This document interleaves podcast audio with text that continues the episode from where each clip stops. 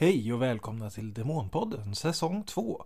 Innan vi börjar vill vi bara säga lite kort att tyvärr så på grund av nya försök att spela in det här med Zoom så är ljudkvaliteten i det här avsnittet inte riktigt så bra som vi hade önskat. Vi hoppas att ni kan få ut någonting av det ändå och till nästa avsnitt kommer vi ha löst de här problemen. Så utan vidare snack, kör igång!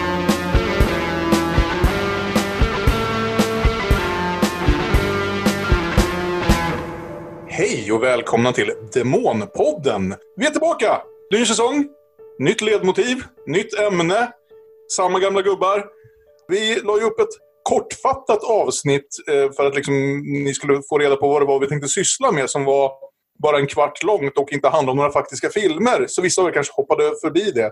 Så vi drar lite snabbt vad det ska handla om efter att jag presenterat mina fina kamrater. Med mig som alltid Björn Waller. Och Aron Eriksson. Hej! Och vår gäst denna vecka, Josefin Eman. Tack så mycket. Kul att vara här. Jättekul att ha dig här. Och du är ju just här denna vecka för att du är lite av en expert på vad ska man säga, ämnet som knyter samman de här två första filmerna som vi ska prata om i vår serie av eh, poddavsnitt där vi ska prata om filmer av kvinnliga regissörer. Åh, tack Kalle. Det är nog den finaste komplimangen jag fått för att vara årsted-expert. Det är väl Ja. någonting som jag eftersträvat hela mitt liv, tänker jag. Eh, ja, jag och min kompis Erika Granholm eh, driver den numera slumrande Austen-podden. Och sen har jag varit Austen-nörd sedan 1995 när vi fick, fick se Colin Firth i BBC-filmatiseringen. Så det är skönt att vara här idag. För vi är här ikväll för att prata dels om den här senaste filmatiseringen av Jane Austens Emma av Autumn the Wild som kom bara här för några månader sedan. En av de här filmerna som nätt och jämnt hann ut på bio innan coronakrisen slog hela världen och den kom fort som satan ut på alla former av hyrtjänster istället. Så vi tänkte börja med att prata lite om den kanske under den första, inte vet jag, trekvart någonting. För att sen gå vidare och prata om Amy Heckerlings Clueless som ju är lite mer av, vad ska man säga, en modern nytappning, uppdatering av samma historia. Modern och modern, men ja. Modern, modern när den kom. Det, det, det är roligt att känna nu att den på något sätt och vis kändes liksom... Det känns som en ganska gammal film, eller definitivt en, eh, också den en tidsskildring nu för tiden. alltså, definitivt. Men ja, jag vet inte, som, för er som, som kanske bara snabbspolar igenom det här lilla introavsnittet. Det vi alltså kommer göra det här året, den här säsongen, är att varje vecka titta på två filmer av två olika kvinnliga regissörer och försöka knyta samman de två filmerna med någon form av tema. Eh, och den här veckan var temat väldigt tydligt eftersom det egentligen är två tappningar av samma historia. Det kommer kanske inte alltid att vara så tydligt. Ibland kanske vi bara liksom kastar ihop två filmer och försöker hitta ett tema medan vi kör, så att säga. Men den här veckan har vi i alla fall ett liksom, starkt, tydligt sammankopplande tema. Och dessutom så eh, har Björn för första gången läst Jane Austens Emma inför det här. ja, det är första gången jag läst Jane Austen för den här podden. Ja, det hade varit konstigt om jag gjorde det under förra säsongen. Precis. Men första Eh, gången du Jane boken, Austens romanförlaga till Sjunde inseglet är inte så bra som man kunde tro. Men Josefin däremot hade läst Emma och har nu läst Emma igen. Ja, vilken njutning. Jag fick fått läsa det igen. Det är ju en härlig komedi som alltid är trevlig att återbesöka.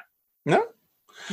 Vad trevligt. Ja, men då börjar vi väl med att hoppa in i den här nyare av de två filmerna. Autumn the Wilds eh, regidebut faktiskt, i alla fall av långfilmer. Hon är ju sedan ett bra tag tillbaka framförallt en musikvideoregissör, som jag märkte när jag kollade på det. Till en hel del band som jag vet att i alla fall jag, Björn och Aron är ganska förtjusta i. Jag såg att bortsett från att ha gjort en Jenny Lewis-video till en låt som vi alla är ganska förtjusta i. Så har hon gjort ett par Beck-videos och lite andra saker. Det var ett tag där på 90-talet när det här att börja som musikvideoregissör verkligen var en stor grej. Mm. Och att du sen fick gå vidare. Ja, du har Michel Gondry och hela gänget liksom. Mm.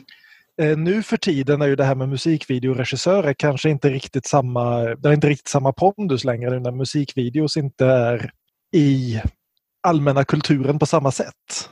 Nej. Men eh, det är ju jättekul att det fortfarande kommer fram folk den vägen. Ja, eller hur?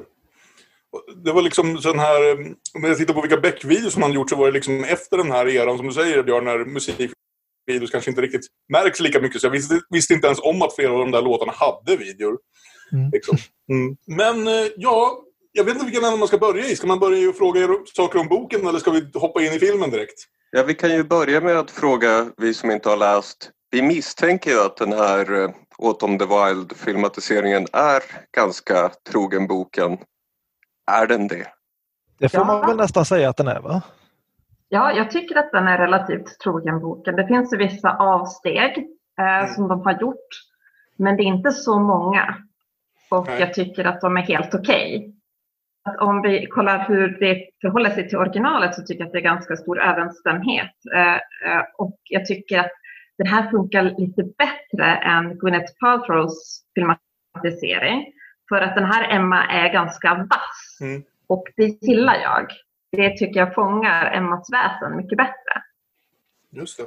Ja, vi ska säga det. Det finns en filmatisering som kanske några av, av oss har sett. Jag såg den när den var ny. Med Gwyneth Paltrow i huvudrollen. Som dock inte var regisserad av en kvinna och därför inte eh, intressant för den här podden. Och dessutom, som jag vill minnas, är inte så intressant överhuvudtaget.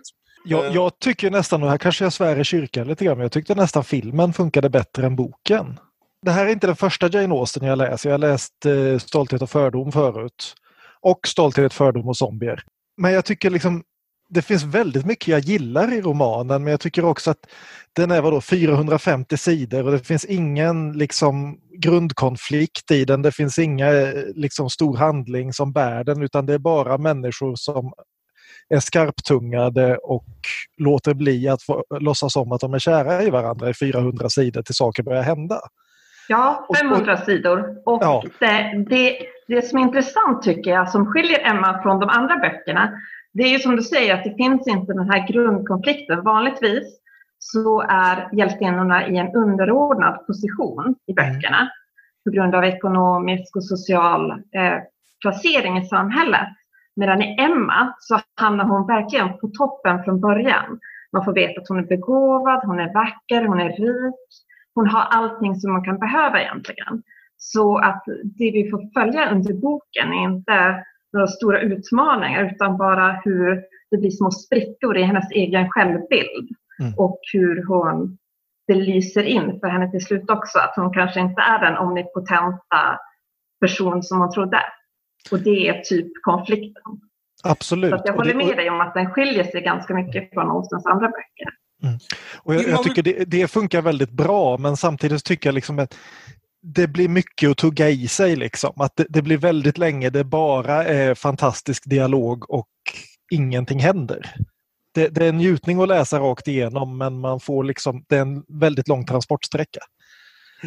Innan vi kommer för långt in i den här diskussionen, skulle någon av er nu som både har läst boken och sett två varianter kunna snabbt sammanfatta egentligen vad den här historien, som vi ska prata en hel del om, eh, en hel del om är för något? Nej, jag kom bara på, ni hade ju den här resumétävlingen i Austen-podden. Ja, Så- det har vi. så- 30 sekunders sammanfattning. Och så ser man vem som vinner. Men jag vet inte om... Du Ja, Vi snor den idén till säsong två. Vi behöver ju något sånt. Vi kanske ska bara ska tävla i bästa resumén, vi tre varje vecka. När vi har sett de här andra filmerna. Ja, ni får, ni får stjäla den. Vi har, har stulit den och de bästa, bästa idéerna blir stulna, tänker jag. Det så. Vi- Ska vi göra ett samarbete? Vi Eller ska vi, vi göra försöker. en tävling? Vi försöker. Vad, vad känner Vi du? Björn? försöker. Vi har alltså Emma som är 21 år, bor någonstans söder om London på, i en liten lantlig by med, som är full med adelsmän och bönder. Absolut. Och hon har som hobby att fixa ihop folk. Ja, hon har det som hobby för att hon är ganska ensam egentligen. Hon saknar jämbördigt sällskap. Hon är väldigt medveten om sin klassposition.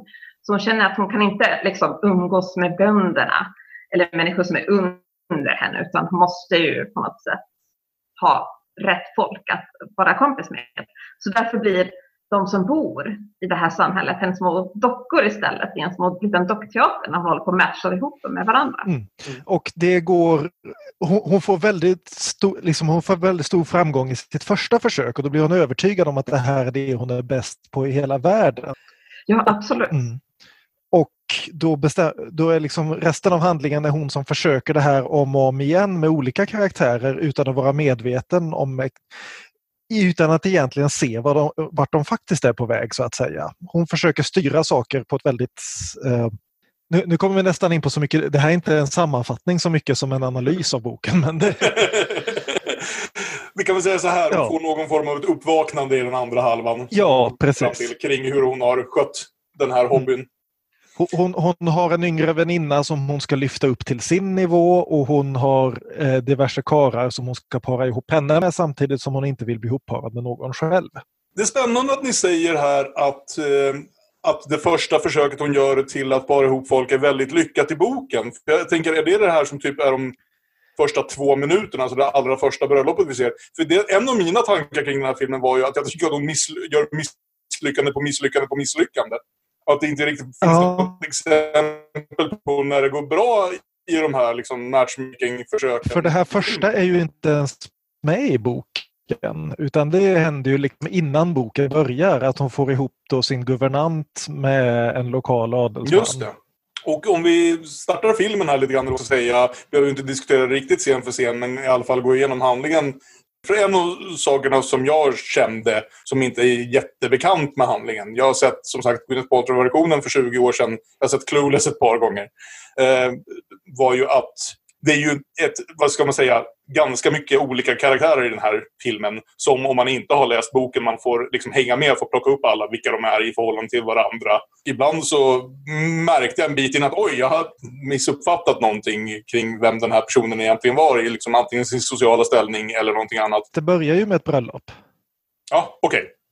Precis, men då har vi inte sett själva, själva the matchmaking, eller vad man ska säga. Nej, men vi får det berättat att det är hon ja. som har parat ihop dem. Ja, precis. Eller åtminstone att hon ser sig som den som har parat ihop dem.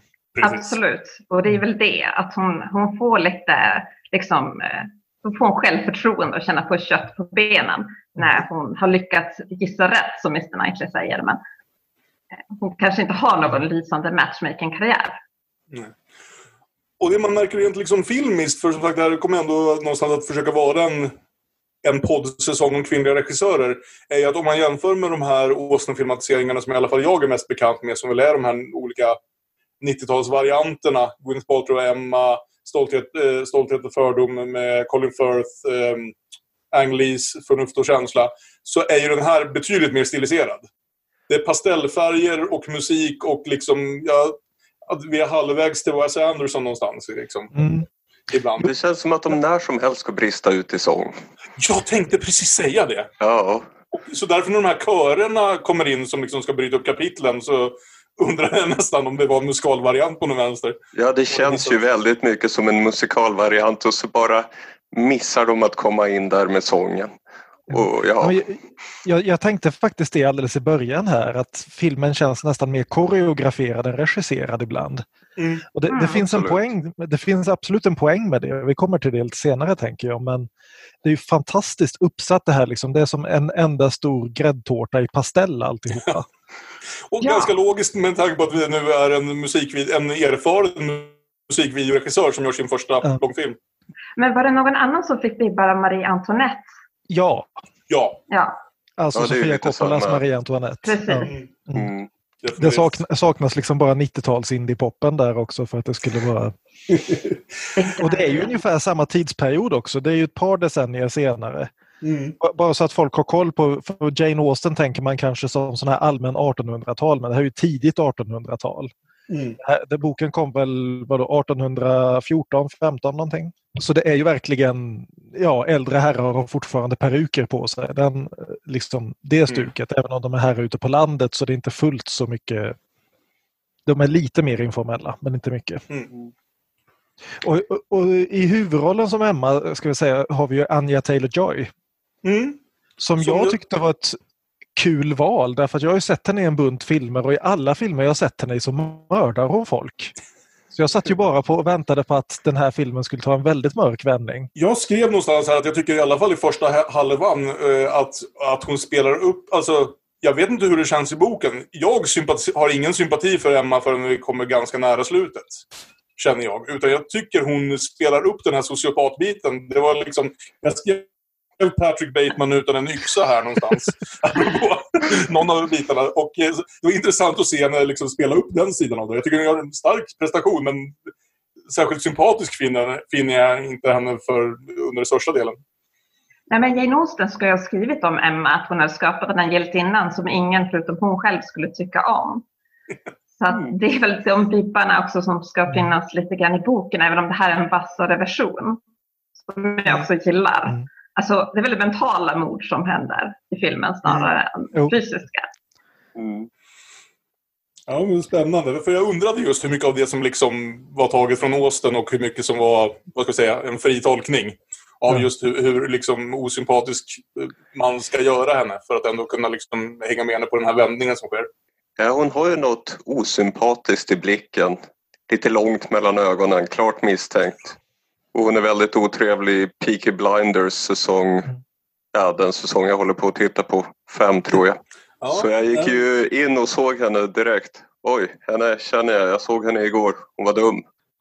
Annars är det ju här en sån här typisk brittisk film som precis som valfri Harry Potter-film är fylld till bredden med brittiska karaktärsskådisar som man har sett i ett halvdussin BBC-serier här och där och kanske inte alltid kan namnet på. Ja, men vi, har, tänker ja men det är han eller hon. vi har Bill Nighy som hennes pappa. Som alltid är väldigt bra, men kan jag känna lite underanvänd. Men det är ju en typisk, typisk göra en eh, 500-sidors bok till en två timmars film.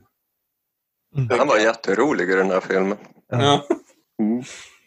Återigen, Vi han hade har- inte jättemycket repliker i en annars dialogtung film så var han liksom slapstick utan. Så, ja, han hade några roliga repliker. Jag tar tillbaka den. Ja, nej, nej, men han är ju en av de bästa karaktärerna i hela boken också tycker jag. Mm. Han, han är ju ren slapstick genom hela boken också. Om något har de ju tonat ner honom i filmen. Ju- Just det här extremt hypokondriska draget som är liksom återkommande skämt att så fort någon äter någonting så liksom, men ska du inte bara ha, ha lite, lite smaklös välling istället? Det är mycket bättre för magen. Stark mat är inte nyttigt. Och så fort någon ska gå ut, nej men herregud ska du gå ut, du kommer att frysa ihjäl. Det, ja, Mm. Jag tycker det är ganska kul att de väljer Bill Nighy i en ganska liksom, pigg och aktiv version Mm. här. För att han Mm. hoppar ju runt och studsar. Som får kontrastera mot det här inbildningssjuka så att man just Mm. förstår att det är mer inbildningssjuka än verklig sjuklighet. Och vi presenterades för ett par av de andra viktigaste. De allra viktigaste att presentera är väl egentligen eh, Knightley som hon har något slags styvbrorsförhållande till som jag inte riktigt hängde med på i filmen måste jag säga. strängt, taget är han ju hennes svåger. För han är ju Mm, okej. gift, hans bror är gift med hennes syster. Ja, det är, Det är så, så det det är. Det är så det är. Det tyckte inte jag förklarades bra. Jag måste säga det. Det, Nej, det, det, där, fick man hänga på, där fick man hänga med lite grann ifall man inte Mm. hade läst boken. Mm. Det är liksom att han, när, hans, när hennes syster med familj dyker upp så presenteras han i förbifarten som Miss, Mr John Knightley. Mm. Okej. Så han är alltså äldre bror till, eller yngre bror? Yngre bror. Jo, yngre bror är han till den här Knightley. Mm. Okej. Och han Ja, spelas av så. Johnny Flynn som vi känner som musiker. Jag vet att Björn inte var imponerad av hans musik. Vi. Jag tyckte den var ganska bra. Eh, Han är kompis med Laura Marling, vilket ju är imponerande bara det. Mm. Ehm, Och så, och så han då introduceras också- här med, han introduceras i filmen med hans rumpa. Och Ja, är det här någonting de kvinnliga regissörerna kommer att syssla med? Manliga rumpor. ja men Men jag, det är inte tycker... bara en manlig rumpa vill jag hävda. Alltså, Emma, eh, hon drar ju också upp sin klänning och visar rumpan. Så att det kanske Ja. att man gillar rumpor helt enkelt. Jo, nej, nej, för här, här i början tycker jag att eh, hon gör väldigt mycket grejer för liksom sådana här saker som inte står med i Mm. romanen men som man tycker borde hända. Det är mycket mer fokus på allt tjänstefolket. Mm. Du har de här två kavaljererna som hela tiden ska passa upp på hennes gamla far. Du har eh, Knightleys hushållerska som oroar sig över honom. etc. Och så har vi bara den här scenen där då Emma måste hala upp kjolen och stå och värma sig vid brasan. För som sagt det är 1815 och det finns ingen centralvärme. Ja, men då tycker jag att hon borde liksom backa lite närmare brasan som ett första steg. Innan hon halar upp klänningen. De där klänningarna ser ganska lättantändliga ut måste jag också säga. Och så Motiverad presenteras vi för en viktig karaktär till, nämligen då hennes lilla skyddsling, eh, Miss Smith. Harriet. Ja, spelad av Mia Goth. Mm. Som ju också är en sån här eh, som vi har sett i en massa genrefilmer. Hon är väl kanske mest känd i, från eh, Lars von Triers, eh, vad heter den? Nymph- Nymphomaniac. Just det, det är en av dem jag inte har sett av. Men har också gjort ett antal skräckfilmer och grejer. Så det är väl egentligen vad jag ska säga. Det finns väldigt mycket mer människor i, det här, i den här filmen. Men vi hinner inte gå igenom dem allihopa. Utan det känns som att det här är de viktigaste just för tillfället. Det kommer väl en eller två som blir viktiga allt, efter, allt eftersom. Ja, Men ja, det börjar i alla fall eh, väl egentligen... Eh, första viktiga som händer för handlingen är väl att Emmas, efter Emmas tidiga succé med det här, som har kulminerat i det här bröllopet som startar filmen så ska hon nu försöka få ihop denna Harriet med den lokala prästen. Eh, Vi kan också som- säga filmer som börjar med bröllop. Susanne Bier har ju gjort Efter bröllopet och hade då en tes att alla filmer som börjar med bröllop är bra filmer. Kanske kommer vi att se Susanne Bier senare i år. jag vill påpeka att Rec 4 börjar med ett bröllop. Det är inte en bra film. Undantaget som bekräftar regeln. Jag vet att när jag gör en film så tänker jag börja den med ett bröllop. Så här är det. Någon, en en eh, ung man av, från de lägre klasserna är förtjust i denna Harriet. Har erbjudit eh, eh, henne giftermål. Men eh, hon avslår detta på Emmas eh, inrådan. Just eftersom han verkar tillhöra de lägre klasserna är väl egentligen den enda orsaken vi får. Mm. Och vi har, vi har ju här också direkt liksom typ eh, slås fast väldigt tydligt här hur Emma fungerar och hur hennes förhållande till eh, Harriet är just det här att hon säger inte du måste avslå det här. Nej. Utan hon säger nej men det kan bara du bestämma. Nej men det kan bara du bestämma. Jag tänker inte lägga mig i alls. Och hon gör det på ett sätt som gör att Harriet känner att hon måste avslå. Det, ja, det, det, det är lite grann en mean girl historia här i början. Det är därför, alltså innan vi ska komma in på Clueless sen, men det är därför den liksom, vad, vad ska man säga, översättningen och historien är så pass logisk, Mm. tycker jag. En, en sak jag ska säga, jag gillar verkligen med regin här i början, det är just det här att allting och det här funkar ju väldigt bra för den här historien också, att sättet hon lägger upp det här på att allting verkligen cirklar runt Emma. Mm. Vi har en enorm mängd karaktärer men det är Emma som är väldigt tydligt huvudperson på alla sätt och vis. Mm.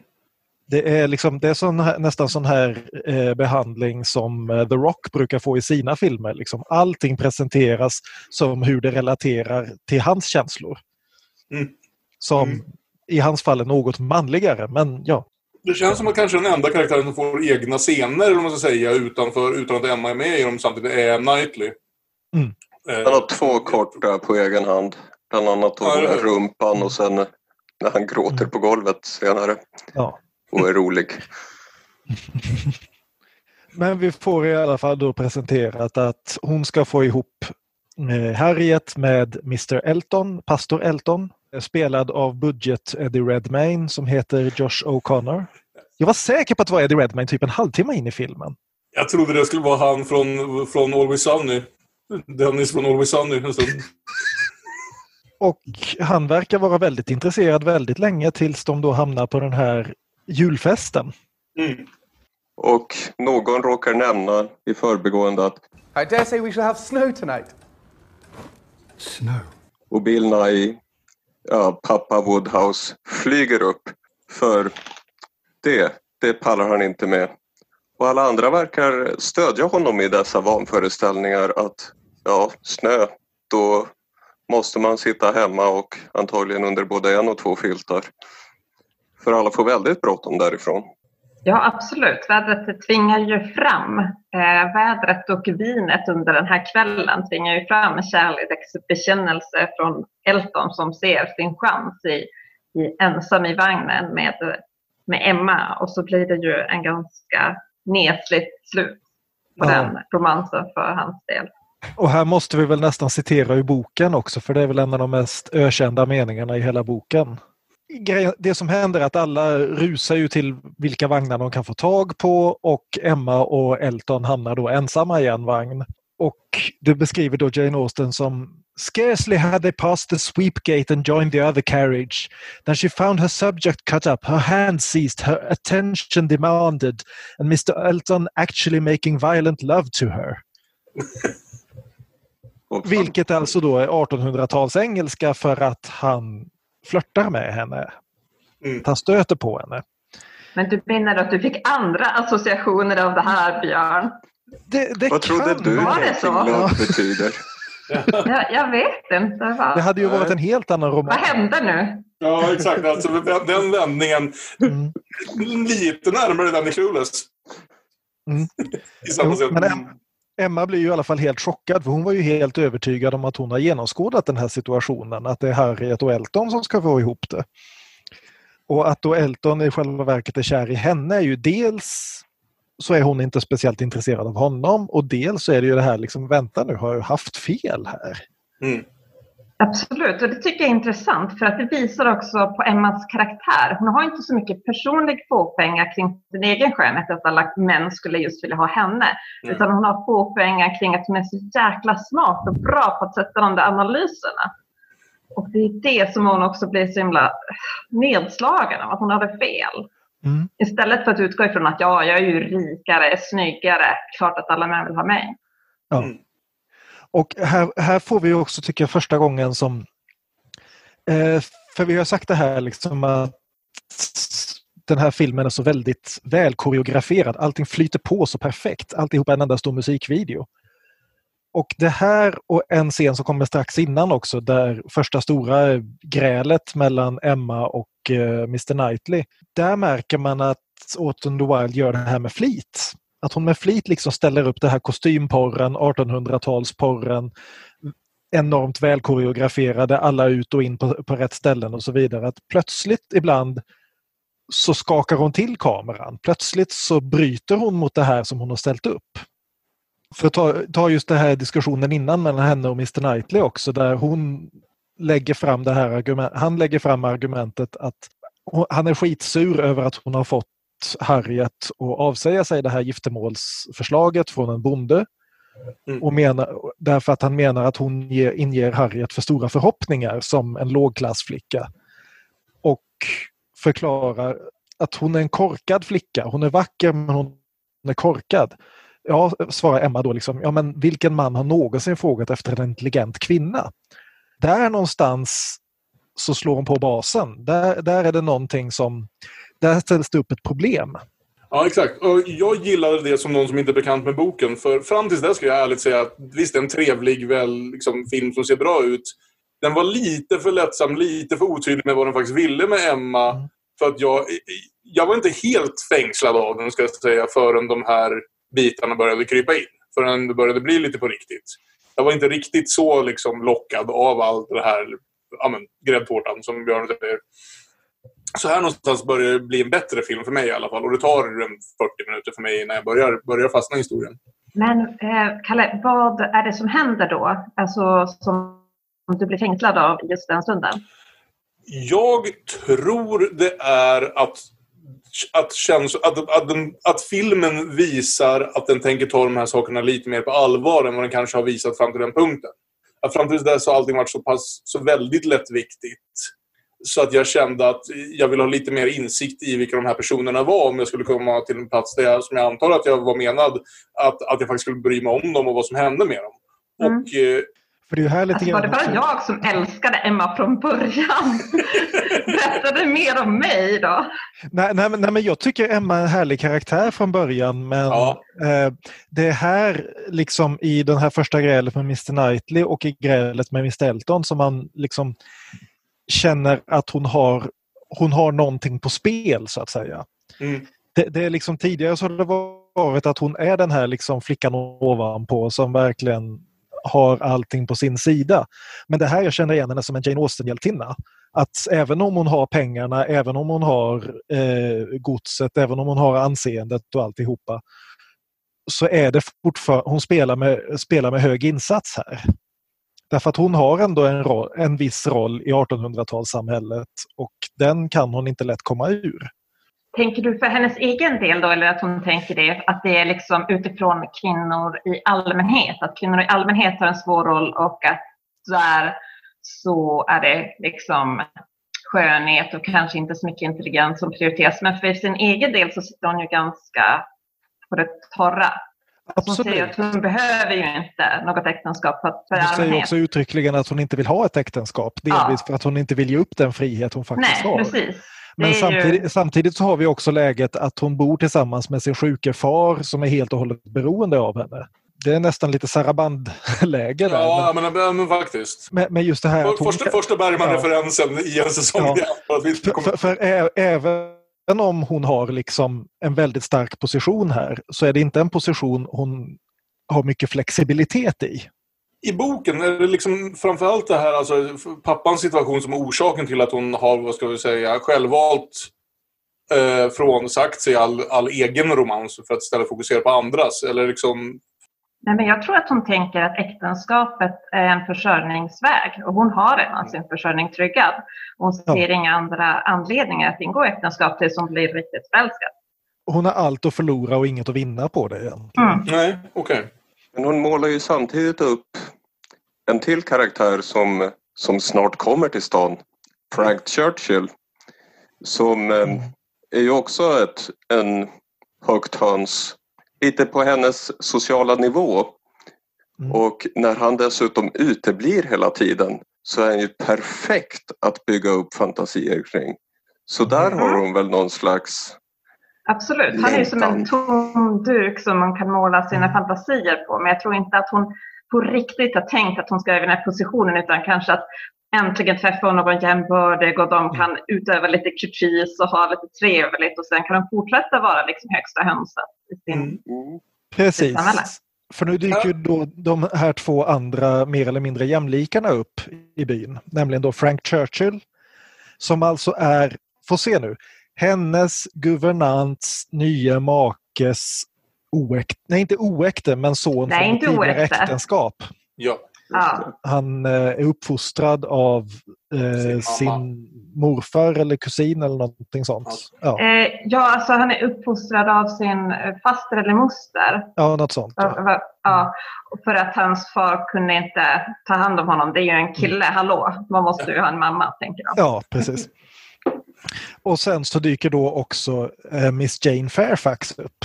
Ja. Som då är hennes stora rival ända sedan barnsben. Ja, Jane Fairfax, hon är ju så begåvad och så på riktigt begåvad Mm. inom alla de sakerna som eh, Emma skulle vilja vara men inte har orkat träna på som pianospel och så Mm. och andra grejer. Det var nog ändå det mesta jag skrattade fram till den punkten. När de, när de har sina pianouppövningar där. Precis Mm. efter varandra. Först går Emma fram och spelar trevligt men habilt. Och sen så kommer Jane Fairfax fram. Höstsonaten hörni. What a pity you did not bring your music. Can recollect the tune. Eh, Precis. å- återigen tillbaka. Ja, nej, det, det var nog mitt största skratt fram till den punkten. Ja, det är ju en slakt. Stackars Emma. Sen vill jag också bara säga det för att jag har pratat lite med pojken om det. Men han Callum Turner som spelar unge herr Churchill eh, har jag tidigare sett i Green Room. Och i Green Room har han en liten punkigare look och var nästan identisk rent utseendemässigt med vår alldeles egen Aron. Fast han hade grönt hår, jag hade blått hår. I boken är ju eh, Frank Churchill något mer utarbetad. Jag ska inte säga skurkmässig, men antagonist på ett annat sätt. Mm. Eller blir det i alla fall. Men i filmen så är han lite nedtonad och här är liksom... Josefin, vad heter karaktären som man hatar i Förnuft och känsla? Nej, förlåt. Inte Förnuft och känsla. Stolthet och fördom. Josefin säger hatar, jag älskar dem också. Vad finns det att hata? Och, äh, men, Allt är bra i Austens ja. värld. Förlåt, Stolthet och fördom. Wickham. Wickham, Kalle. Ja, Wickham, ja, ja precis. Och jag, så jag fick ju lite Wickham-vibbar, för jag, har ändå sett, jag har sett BBC-miniserien ett par gånger. Eh, så jag fick definitivt lite Wickham-vibbar direkt när unge herr Churchill dök upp. Och han är ju något, vad ska vi säga, utslätad, inte riktigt lika djävulsk variant ändå. Som har lite hemligheter som kommer fram och så vidare. Han har ett hälsosamt självförtroende, säger min anteckning. Ja, han har ett enormt självförtroende. Han vet att alla kommer att älska honom oavsett vad han eh, får att utstå. Alltså, I boken får vi ju följa en lång, lång harang och jättemycket utrymme eh, till han och hans Fairfax och eh, Emmas liksom, kärlekstriangel som hon inte ens blir medveten existerar. Eh, men som Björn säger är den ganska nedtonad i filmen. Mm. Jo, för Frank Churchills första stora roll här är att han övertalar dem att hålla en bal för att ungdomarna ska ha något kul att göra här ute på landsbygden. Precis. Hittills har ju Mr Knightley varit, han har mest liksom gått hemma hos Emma och hennes pappa och allmänt gnällt på henne och sagt åt henne att skärpa sig Mm. ungefär. Men eh, här får han ju då liksom för det som händer här är, okej, här är Mr Elton skurken lite grann därför att Miss Smith vill ju dansa hennes första stora bal och alla tänker att Mr Elton måste bjuda upp henne och han totalvägrar så hon sitter ensam där. Och då, då går Mr Knightley fram och bjuder upp henne. I ett fantastiskt ögonblick. Ja. Ja, det är verkligen det. Det, det här är bästa scenen i filmen för mig, måste jag Ja. säga. Jag älskar alla de här... Dels bara rent hur dansen är filmad och sådär, när liksom att vara en musikvideoregissör verkligen kommer till sin rätt. Eh, men sen också allt, allt det här som spelas mer ordlöst, för det är ändå en ganska dialogtungt film från och till. Men här är den inte det och det fungerar väldigt bra. Mm. Men, men här måste jag fråga Josefin här. I boken är det inte vals de dansar?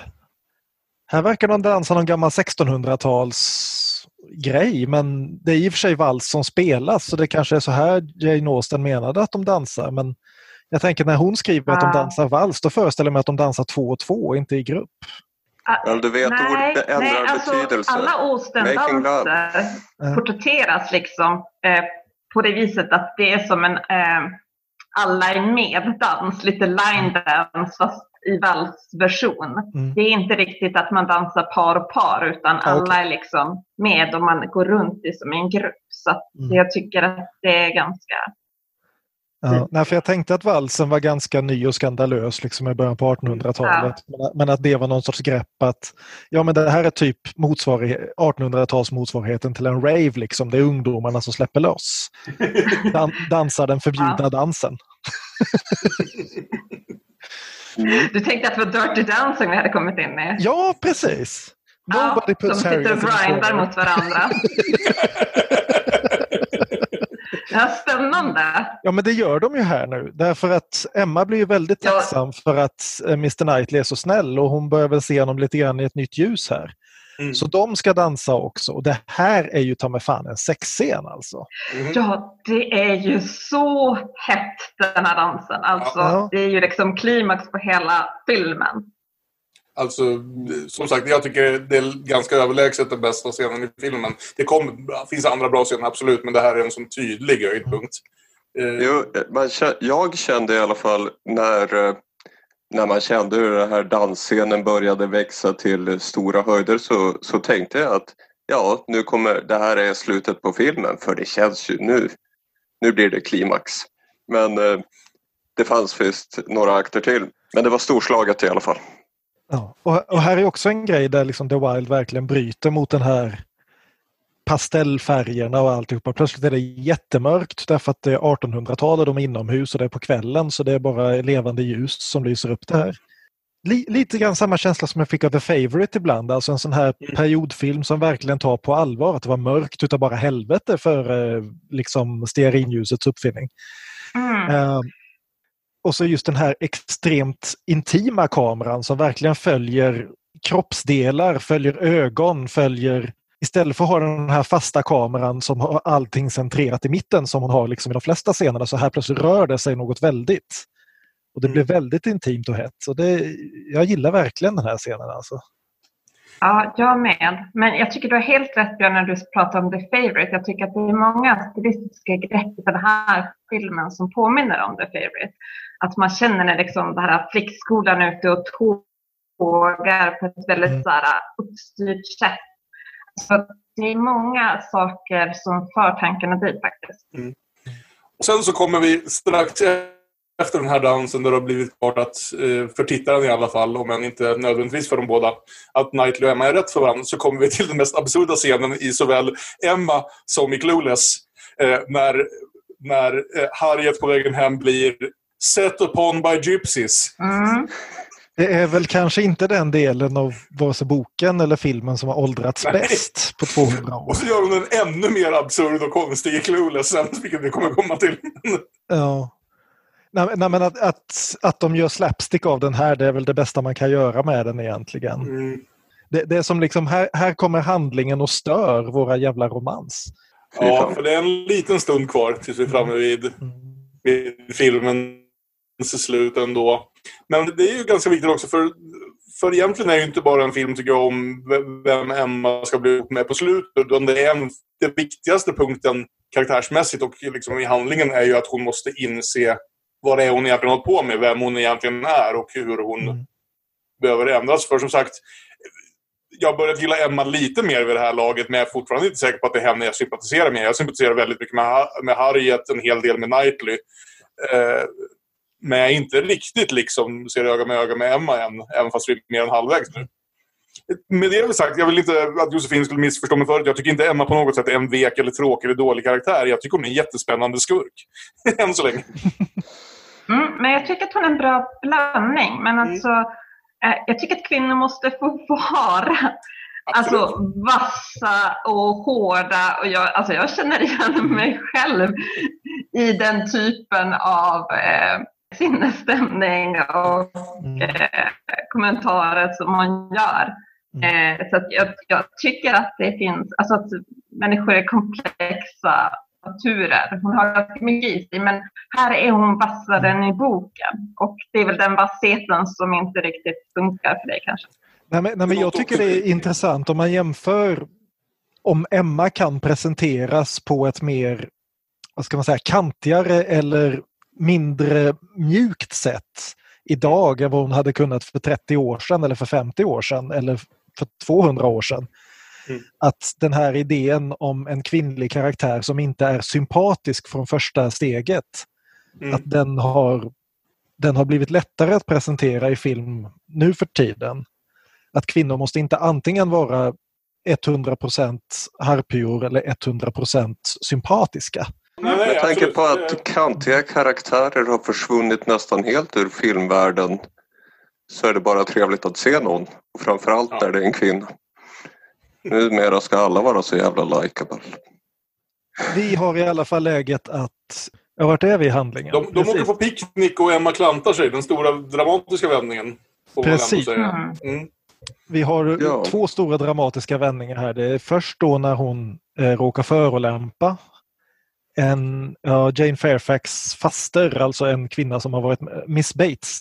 Mm. Som också är en härlig karaktär. Ja, henne gillar jag hela vägen igenom. Ja. Gammal ogift kvinna som alltid är med överallt och som har en tendens att prata lite för mycket. Mm. Därför att hon är lite osäker på sin plats i samhället som liksom adlig men fattig och ogift och alltihopa. Mm. För Miss Bates grej lite, hon använder ju humor som en försvarsmekanism där mm. när hon är lite osäker. Så hon förolämpar ju liksom sig själv.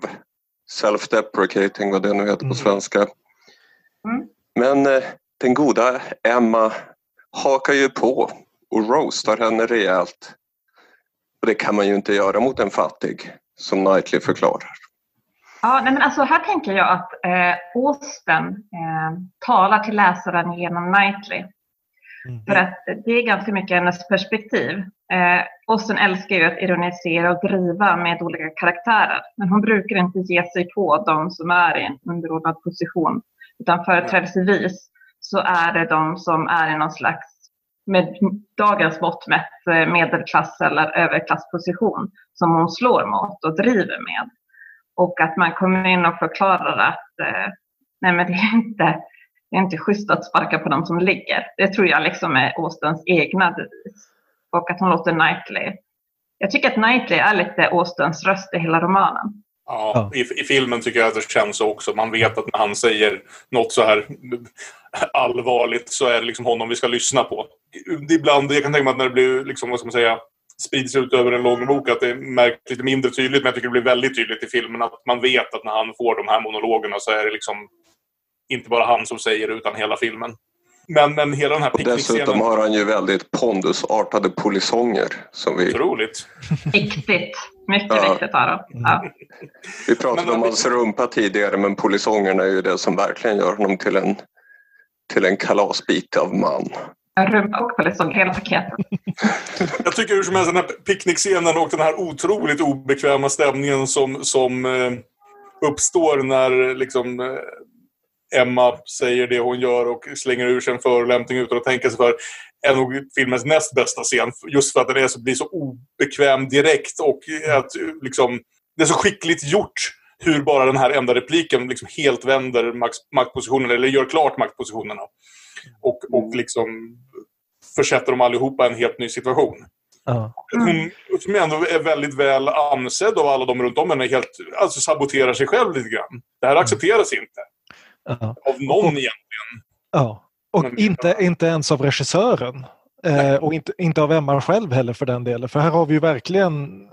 Här börjar hon, hon ju verkligen bryta mot den här liksom pastellkoreografin. Att nu är liksom, när hon då åker hem med den här vagnen så är det filmat med handkamera stående i en skakande hästvagn. Så det är liksom verkligen här spricker hennes världsbild. Kanske något övertydligt. Men jag gillar att det är lite övertydligt för en sak som filmen hoppar över lite grann och som, verkligen, som istället kommer in gradvis här.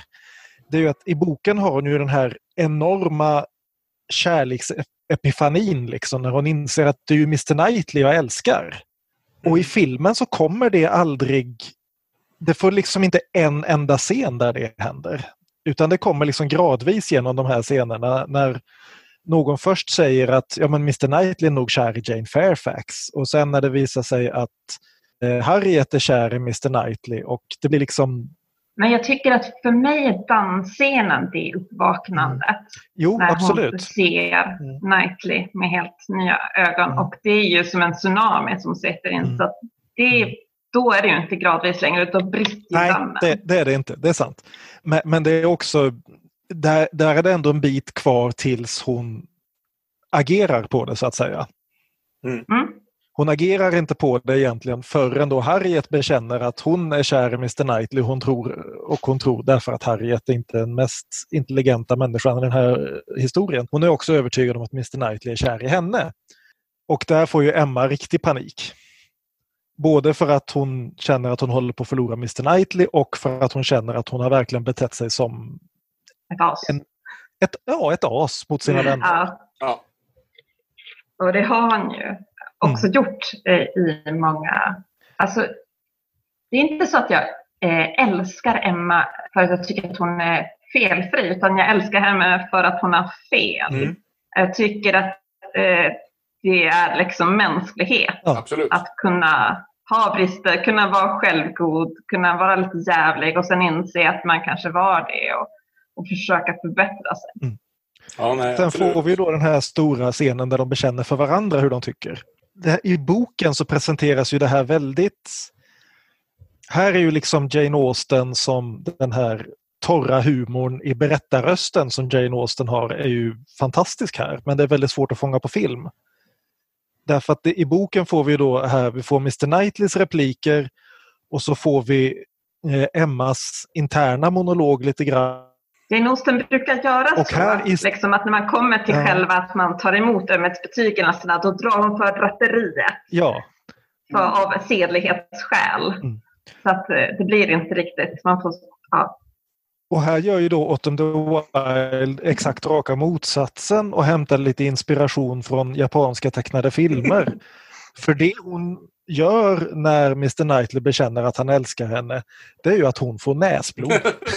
Ja, men det här är sämsta scenen i hela filmen.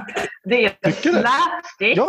När man ska gå in genom allvarlighetsdörren tar man komedidörren. Och jag tycker att man måste, alltså vissa saker måste man få ta på allvar för att man ska kunna ta komedin på allvar också. Jag gillar verkligen Okej, inte ja. näsblodet. Gör du Herregud. inte? Nej, inte det minsta. Både jag och min co-host Erika Granan hatade denna scen djupt. Okej, nej, nej, men jag- gillade den just för det här att det är, som sagt, he, he, genom hela filmen så har vi följt Emmas historia om sig själv. Det är en människa som är väldigt säker på sin plats i världen. Mm. Och här brister fördämningarna inte bara metaforiskt utan bokstavligen också. Men ja, jag, jag förstår definitivt vad du menar. Jag tänkte bara liksom, eftersom jag precis hade läst boken också och så kommer den här scenen och jag ser, hmm, jag undrar vilka repliker de kommer att ge henne. Mm.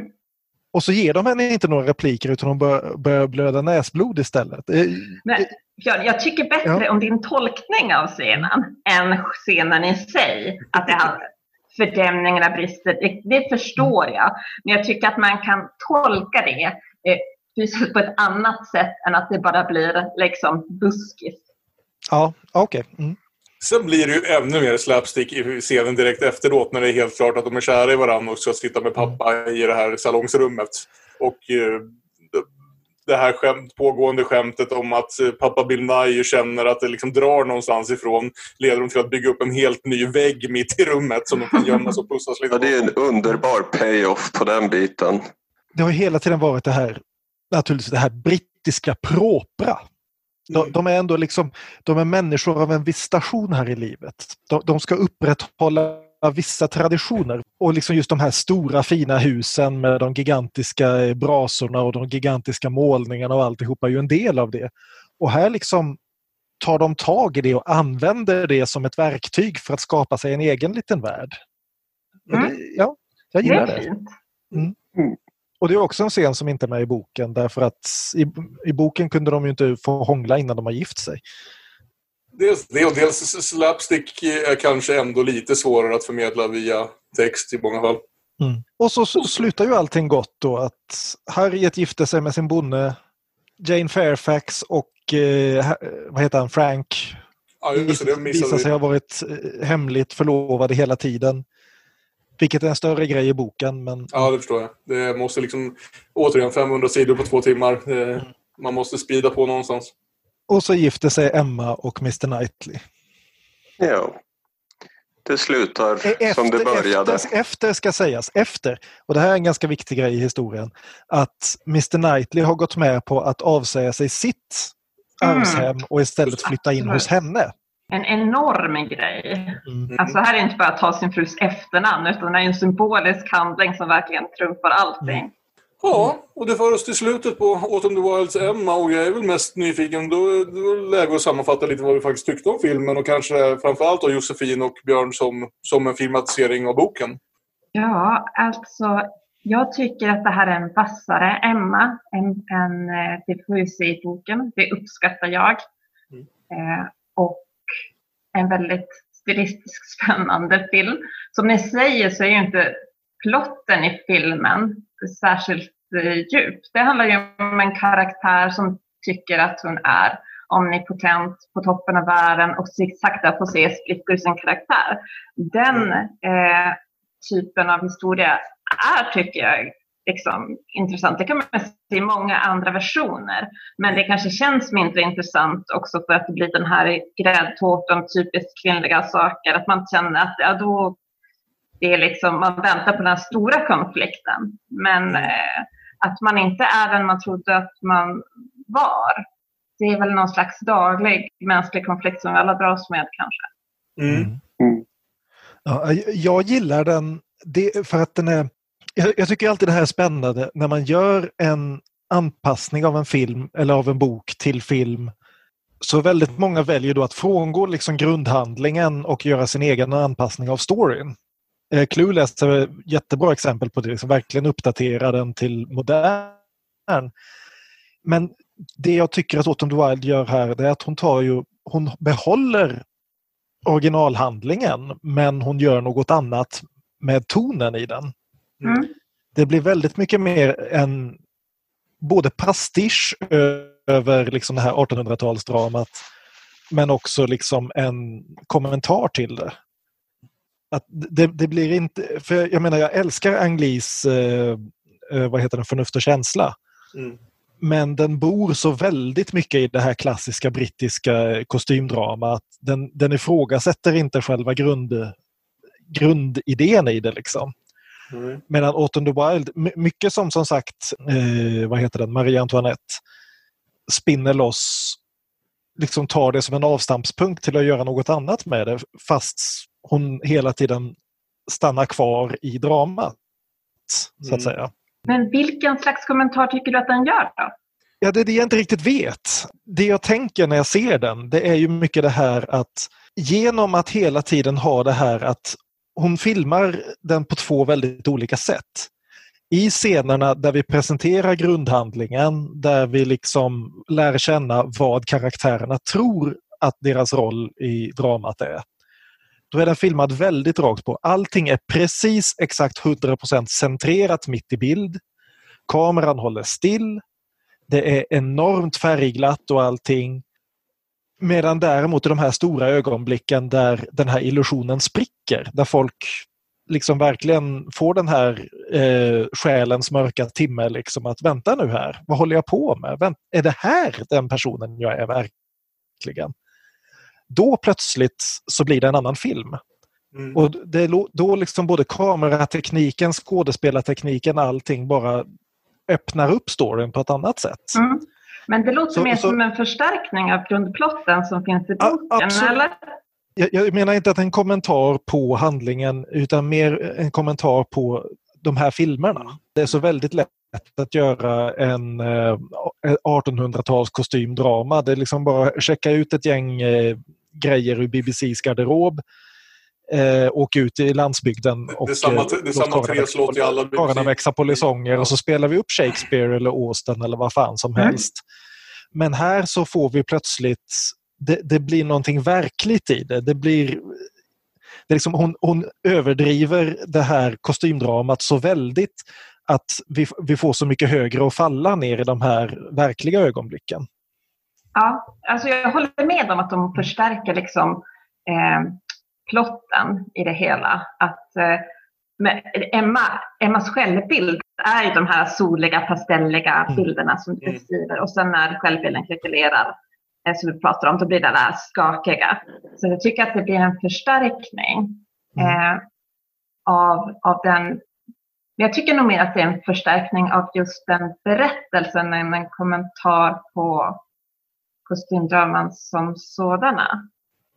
Jag, jag tror Autumn the Wild vill göra mer av det här än att bara göra ett kostymdrama. Och jag, tror att, jag tycker att hon lyckas med det. Det är inte så mycket en kommentar på filmen som en kommentar på min bild kanske av varför folk går och ser kostymdraman. Ja, jag tror att det är en bra kommentar på din syn på kostymdrama. För jag tänker bara kostymdrama. Ett kostymdrama är ju toppen av filmkonsten. Ja. Ja.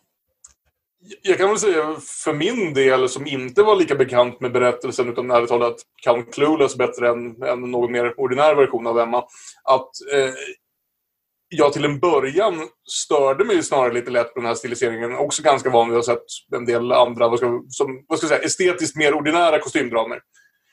Så eh, jag sa nog till början att det var halvvägs till Wes Anderson och för, för Aron är det en komplimang. För mig är det inte nödvändigtvis det. och, och jag vet inte. Jag tyckte någonstans att det var dessutom lite här att ja, men ska, ska ni göra hela den grejen, hela liksom som sagt pastelltårtan och allting så kan gå ännu mer, ja men gör det till en musikal och gör, gör Marie, Marie Antoinette-grejen. Så jag hade mina bekymmer att liksom engagera mig i den första halvan. Och jag tycker att vändningen i andra halvan funkade just därför för mig också. Men det, det, det, för mig slutade det som en bra film, men inte en 100% lyckad film. Det tog mig en bra stund innan jag kände mig engagerad och då blev jag engagerad. Men, men det är liksom inte en succé på alla fronter, känner jag.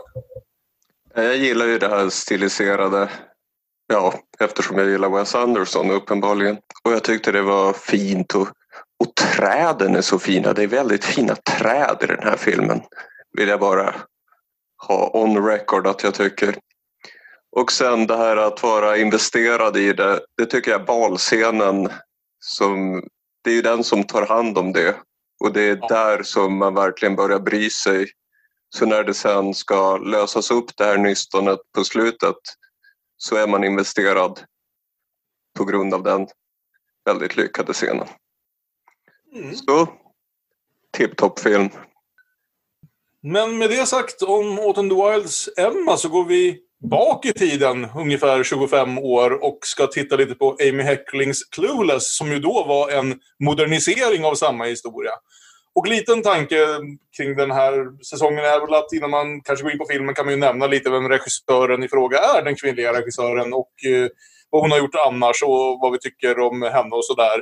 Med Autumn the Wild fanns ju inte så mycket att säga eftersom det mest var musikvideor. Eh, Amy Heckerling däremot har gjort ett gäng andra eh, kända filmer. Bra eller inte får väl vara för var, var person för sig. Fast Times at Ridgemont High är i alla fall en annan high school-klassiker. Ja, nu har jag inte sett den på så länge så jag vet inte om den håller kvalitetsmässigt men Jag, har ju i alla tyckte, fall- jag, jag såg om den för knappt tio år sedan någonting. Jag tyckte den höll rätt bra. ja, jag har också ganska goda Ja. minnen av den. Måste jag säga. Sen, sen däremot vet jag inte om jag vill se om eh, Titta han snackar. Titta han snackar och Titta han snackar också. Det var filmer jag älskade som en tioåring. Jag är inte säker heller på att jag, jag har inte sett dem sedan dess. Så jag får väl se om det någonsin är något som sker. Ja, men Hon- häftigt hon drag har i ju- är bra. Jag, gillar när vi kör på de svenska titlarna. Jag menar såklart inte Fast Times at Ridgemont High. Jag gillar häftigt drag i plugget. Det är så filmen heter. Ja. Hennes karriär har väl gått lite i stå tyvärr på 2000-talet. Ja, det ser Hon så ut, va? Jag tror hon har fått ut två filmer och lite tv-avsnitt och sånt där. Mm, mm. Men hur som helst.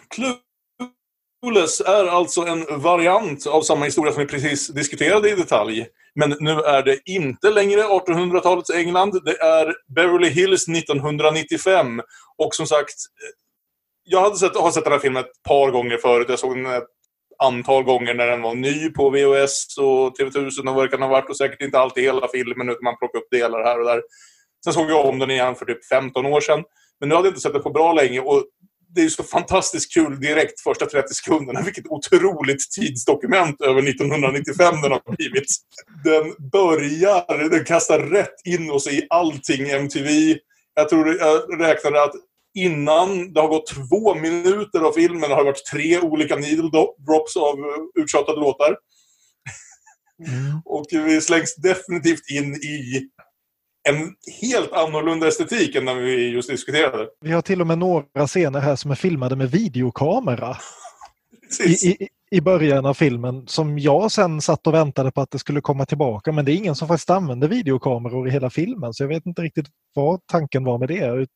Förutom att det skulle se ungt och hippt ut men ja. Jag tror att de hade svårt att komma på hur de skulle starta den här filmen. Hur de Ja. skulle få igång energin. För jag kan säga det direkt, jag tycker väldigt, väldigt mycket om den här filmen. Jag kan tycka att introt inte riktigt vet vad det ska göra innan, innan det liksom landar i de första riktiga scenerna. Hur vi ska presenteras för världen. Och då har de valt allt MTV och så många olika låtar som de kan betala för på, på tre minuter. Liksom. Vi går igenom där, vad är det? Kids in America, David Bowies eh, Fashion och en tredje låt på liksom, som sagt 90 sekunder tror jag. Och den här Och här- här fantastiska spel- saken som aldrig tas upp igen där hon klickar på sin liksom väldigt 1995-dator för att matcha kläder åt henne. Så vi presenteras här för Alicia Silverstones Cher som ju då är denna moderna variant av Emma. Som som sagt går på high school i Beverly Hills 1995 istället för att hänga ute på lyxiga slott på den engelska landsbygden eh, 1815. Men hur är det för er andra? Har ni sett den förut? Har ni, är det någon av er som har liksom ett nära förhållande till den? För det är ju en ganska brett älskad film, ärligt talat. Lite av en modern klassiker ändå i high school-genren. Jag hade nog inte sett den faktiskt på 20 år någonting nu. Nej. Och jag tycker fortfarande om den. Och, och det här liksom att den ser väldigt 90-tal ut, ja men den här filmen uppfann ju för fan 90-talet. A- a- Allas, allas bilder av hur 90-talet var är den här filmen. Samtidigt som ju nästan någonstans, vilket märks bara av liksom att namedroppa olika saker, den försöker vara lite av en parodi på, på eh, Beverly Hills, alltså 90210, som är den mest populära tv-serien vid tillfället. Mm. Ja, men det är så otroligt kul för att det är liksom en film som nu är både underhållande för att den är lite rolig i film men också dessutom extremt underhållande. Bara liksom allt det estetiska i den. Jo, nej, nej, men i grund och botten så följer den ju till en början här Emma väldigt tydligt förutom då att Cher får en bästa vän. Mm.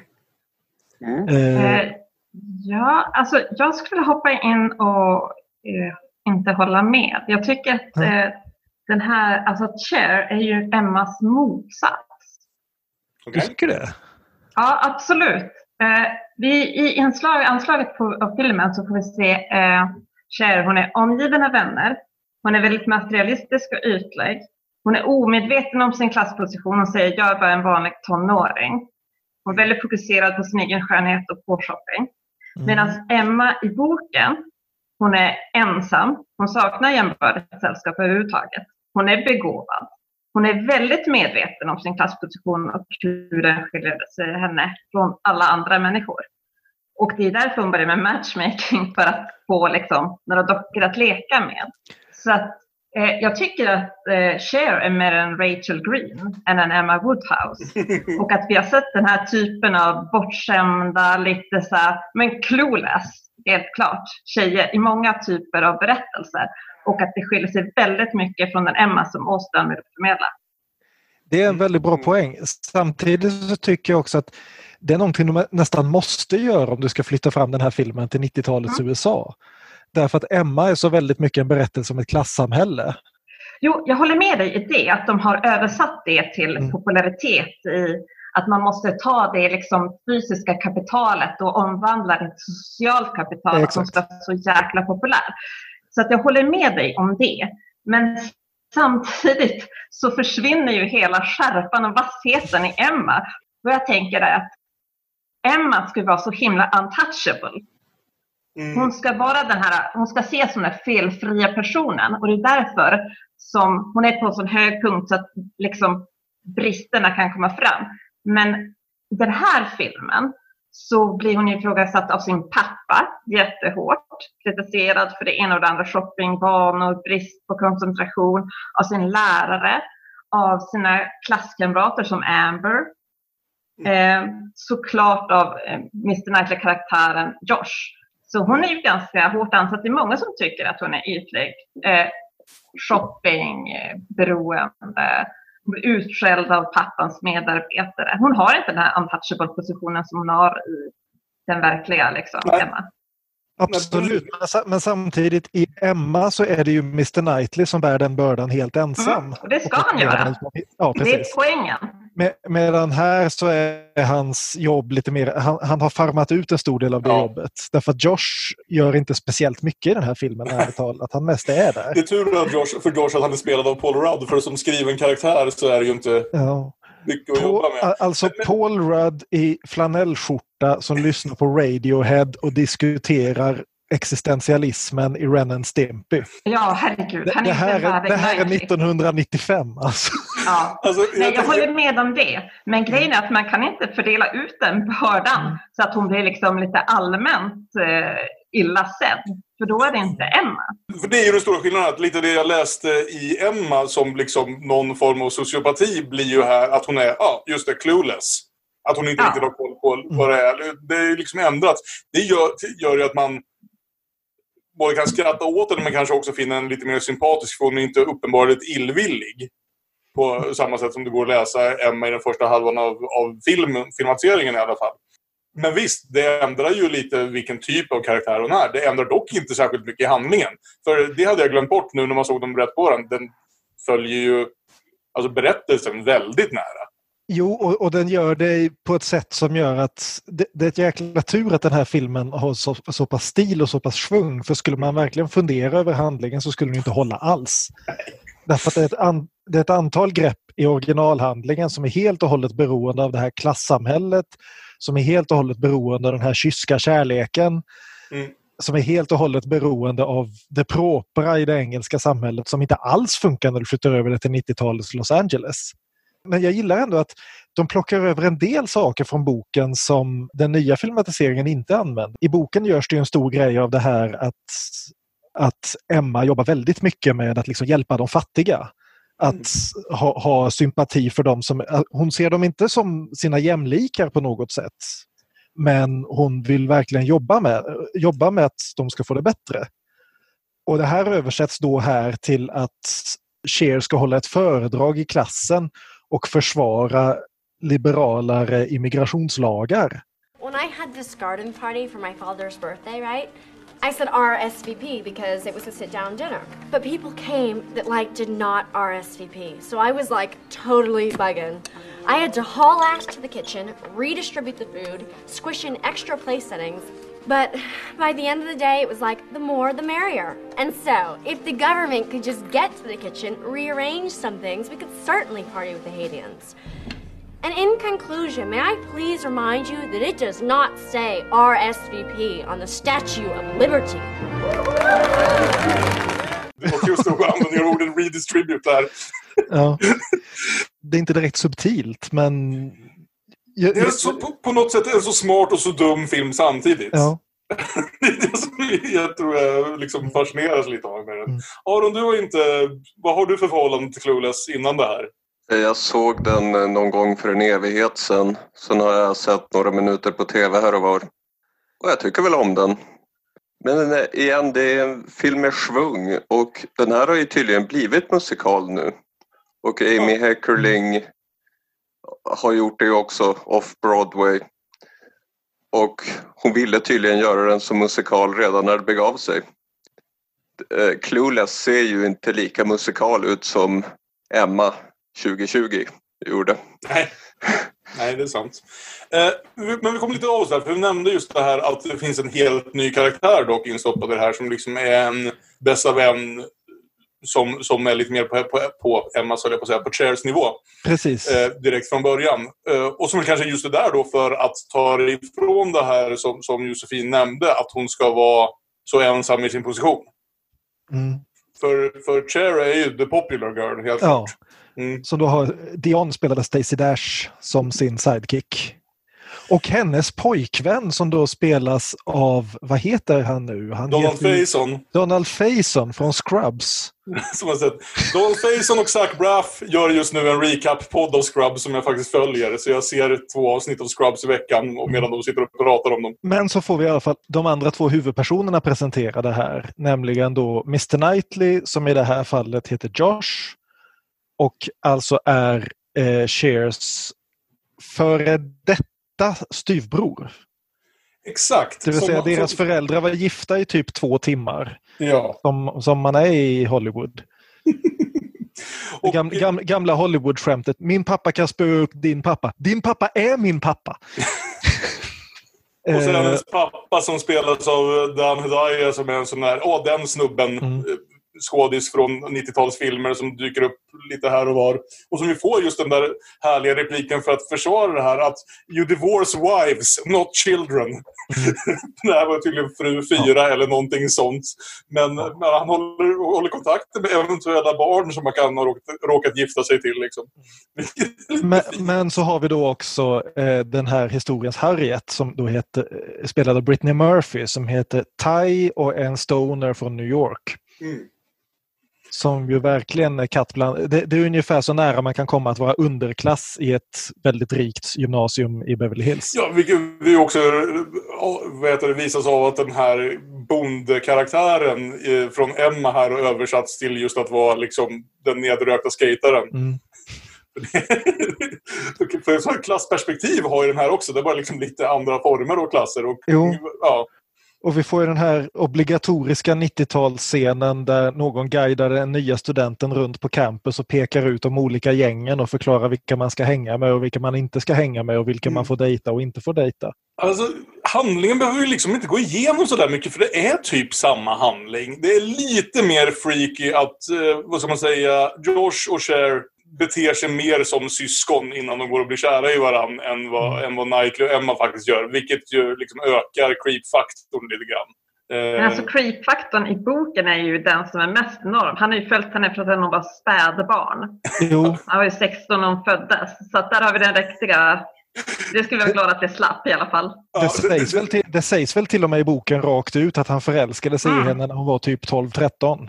Det är som, den, där, det är som den där sista Twilight-filmen. Boken. Det är en ny Bergman-referens. Kris, om ni minns Uffe. Ja, nej, det var ju, men, men som sagt, de gjorde ju sitt bästa för att förminska den biten i den nya filmatiseringen. Vilket kanske var ett klokt val. Och, och, och vi kan lägga in också bara snabbt där, för att den här lyckade matchmakingen hon gör i början här är ju då mellan två lärare. Varav den ena då spelas av Wallace Shawn från eh, Bleka dödens minut, The Princess Bride. Och en hel del annat. Och Wallace precis som Dan, Dan Hedaya, är en sån där skådis som man alltid bara är lite glad att få se. Var han än dyker upp. Men, men Josh presenteras ju då som en eh, lite mer ansvarsfull college-student som tar ansvar för saker och tror på saker. Du har ju den här otroliga repliken, speciellt 25 år senare. What class you going to? Actually, I'm going to a tree people meeting. We might get Marky Mark to plant a celebrity tree. How fabulous. Getting Marky Mark to take time from his busy pants dropping schedule to plant trees. Josh, why don't you just hire a gardener? You know, maybe Marky Mark wants to use his popularity for a good cause. Make a contribution. Jo. Ja, absolut. Alltså Josh är ju mycket mer löjlig karaktär än Mr Knightley. Och mm. Det är ju för att de kör ju all in komedi. Och det är därför också så de skottar över ansvaret att kritisera Emma eh, på andra. Men det är där som saker och ting börjar krackelera för mig. Det, det bör, jag börjar nästan få intrycket att du inte är så förtjust i den här filmen. Alltså, jag hade väldigt eh, glada, goda minnen av den här filmen. Och sen såg jag den och så kände jag bara så här, okej, men vad är det vi skrattar åt? Eh, är det åt en person som är så himla mycket på topp? Som Austin tycker jag att det är kul när att kritisera dem i en eh, överordnad position, men inte så mycket att slå neråt. Men det här är ändå en tjej, alltså man märker att hon har ganska dålig självkänsla. Att hon ser sig kanske lite som korkad, att alla de här förolämpningarna går in. Och då tycker jag inte det blir så roligt att hon ska vara så clueless. För vändningen blir ju någonstans den andra från att Emma porträtterar sig i och för sig som väldigt smart, men inser ändå att hon har haft väldigt fel. Mm. Mm. Chers vändning blir lite mer från att hon har varit väldigt enspårig till att se liksom, vad ska man säga, mer variabler ute i världen. Så, så jag tycker någonstans att det funkar som vändningen och, och eh, jag vet inte, någonstans känner jag att den här filmen är nästan lite av en parodi som sagt av de här mer seriösa high school-grejerna som var så jävla populära vid tillfället. Alltså, för, vissa gånger, det finns ju flertalet tillfällen där den är så direkt liksom själv refererar till vilken typ av film den är i stort sett. Det blir nästan liksom den typen av självkännande parodi. Titta vad vi gör här. Ja, eh, Liksom, inklusive den här fantastiska repliken när, vad heter det, eh, Don Faisons karaktär, alltså pojkvännen Dion, eh, har fått skit flera gånger av henne för att han kallar henne för woman. Och han kommer upp och, och säger direkt att Excuse me, Miss Dion. Thank you. Okay, but street slang is an increasingly valid form of expression. Most of the feminine pronouns do have mocking, but not necessarily misogynistic undertone. Wow. You guys talk like grown-ups. vilket jag känner är sisådär att den karaktären kanske faktiskt skulle säga, men blir kul i sammanhanget. Jag är inte helt säker på om jag håller med att Cher är så osäker till en början. Tyckte hon verkar ganska säker va? Alltså hon är ganska säker på sin liksom, polaritet. Men hur, eh, om du tittar på de tidiga scenerna med pappan, till exempel när han går på henne kring de böterna som hon har dragit på sig, så blir hon direkt undergiven och liksom backar och han liksom stöter på. Pappaförhållandet är ju väldigt annorlunda. Clueless övers borde nog inte översättas direkt med korkad, för hon är ju uppenbarligen inte korkad. Hon är ju väldigt medveten om hur hon påverkar olika människor, hur hon talar sig ur situationer. Det är bara det att det är ju de värdena som hon uppenbarligen har fått även från sin far, som ju är precis lika glad när hon lyckas snacka till sig ett bra betyg som när hon faktiskt har kunskaperna för att förtjäna det. Ja, alltså hon har ju en tondövhet. Jag menar inte att hon är ointelligent. Men jag menar att de attribut som hon tillskrivs, att hon skulle vara väldigt materialistisk, att hon skulle vara eh, så, eh, väldigt så, intresserad av shopping och sitt eget utseende. För det första så är det helt orelaterat till Emma-historien. Inte på någonstans liksom, i romanen står det någonting om att hon skulle, alltså hon sätter ju noll intresse i sitt eget utseende. Mm. Nej, nej, och just det tar ju faktiskt nya filmen upp väldigt tydligt också att Mr Knightley vid något tillfälle säger åt henne att nej men det ska du ha all credit för. Du är liksom inte upphängd på ditt utseende. Du är fåfäng över andra delar av dig men inte över det. Mm. Men, men, samtidigt, jag tycker det är en det är en fungerande en del av översättningen till 90-talet. Som, som du sa här, liksom att fysiskt kapital måste bli socialt kapital istället. Ja. Speciellt som ja. det här utspelar sig helt och hållet i Beverly Hills och alla är stenrika. Ja. Inklusive stonersarna på skateboards är miljonärer redan vid 15 års ålder. Miss Stoger, my plastic surgeon doesn't want me doing any activity where balls fly at my nose. Well, there goes your social life. Mm. Det är bara ett lite mer tröttsamt kvinnoporträtt. Nej, men, men det är en film som sitter väldigt mycket på dubbla stolar. Visst, det är en filmatisering av, på, på sätt och vis av Emma, men det är ju en film som framförallt för säkert 90% av publiken måste fungera för folk som inte har någon koll på Jane Austen eller bryr sig om att det är en filmatisering av Emma. För den kommer ju in väldigt mycket här och som sagt blir den mer parodiska varianten av andra filmer vi precis har sett vid det här laget på det tidiga 90-talet. Liksom det finns ju de två variablerna som du säger. Så här, hur bra tolkar den boken och hur bra står den i sig själv. Och jag tycker att översättningarna funkar ganska bra. Det enda jag vänder mig emot det är att det är porträtteringarna av, av Emma Cher. Hon är mycket mer än vad, vad Cher är. Mm. Men annars så var det en film, måste jag säga, som jag nu, nu, när jag kanske ändå är lite mer observant eller analytisk när jag tittar på filmen än vad jag var för 15 till 25 år sedan. Eh, det var så mycket detaljer som jag plockade upp i den som är sådana här saker som andra filmer inte skulle ha tänkt på. Elton, Frank Elton, eh, vid något tillfälle påpekar att han har glömt sin cranberry-CD ute, på, ute på skolgården och sen när han, de sitter i hans bil en halvtimme senare spelar han mycket riktigt cranberries. Utan att det liksom har någon egentlig påverkan. Men uppenbarligen, han hittar sin CD och nu har han den i bilen. Eh, det är liksom... Vad heter det, när Emma försöker lära Tai hur hon ska komma in mer och liksom verka smartare och verka mer attraktiv. Att hon säger att lär dig ett nytt ord varje dag och försök använda det i en mening. Och ordet i fråga är sporadic. Och sen en halvtimme senare ska de titta på Spartacus och Cher råkar kalla den för Sporadicus. mm.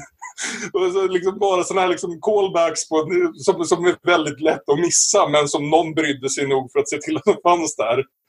Eh, och det är någon gång hon använder capricious lite halvfel och det känns som att det är hennes word of the day då. Jag funderar på om Josefin har lite rätt att vi skrattar lite väl mycket åt henne. På ett, mm. på ett taskigt sätt. Men jag gillar Cher ändå någonstans. Ja, jag, jag gör det också. Det, hennes uppvaknande så här. Alltså, jag vet inte Hon känns mycket mer sympatisk än Rachel Green. Eh, alltså, jag vet inte hur mycket skådis Alicia Silverstone egentligen var eller om det här var liksom vad hon kunde. För jag har ärligt talat inte sett människan i särskilt mycket annat. Hon dök ju upp i Jorgos Lanthimos-filmen i en biroll här för typ... Att döda en ren. Ja, precis. Den. Att döda en ren. Ja. Att döda en ren. Det hade varit en bra titel. Där dyker hon upp och riktigt bra i typ 10 minuter.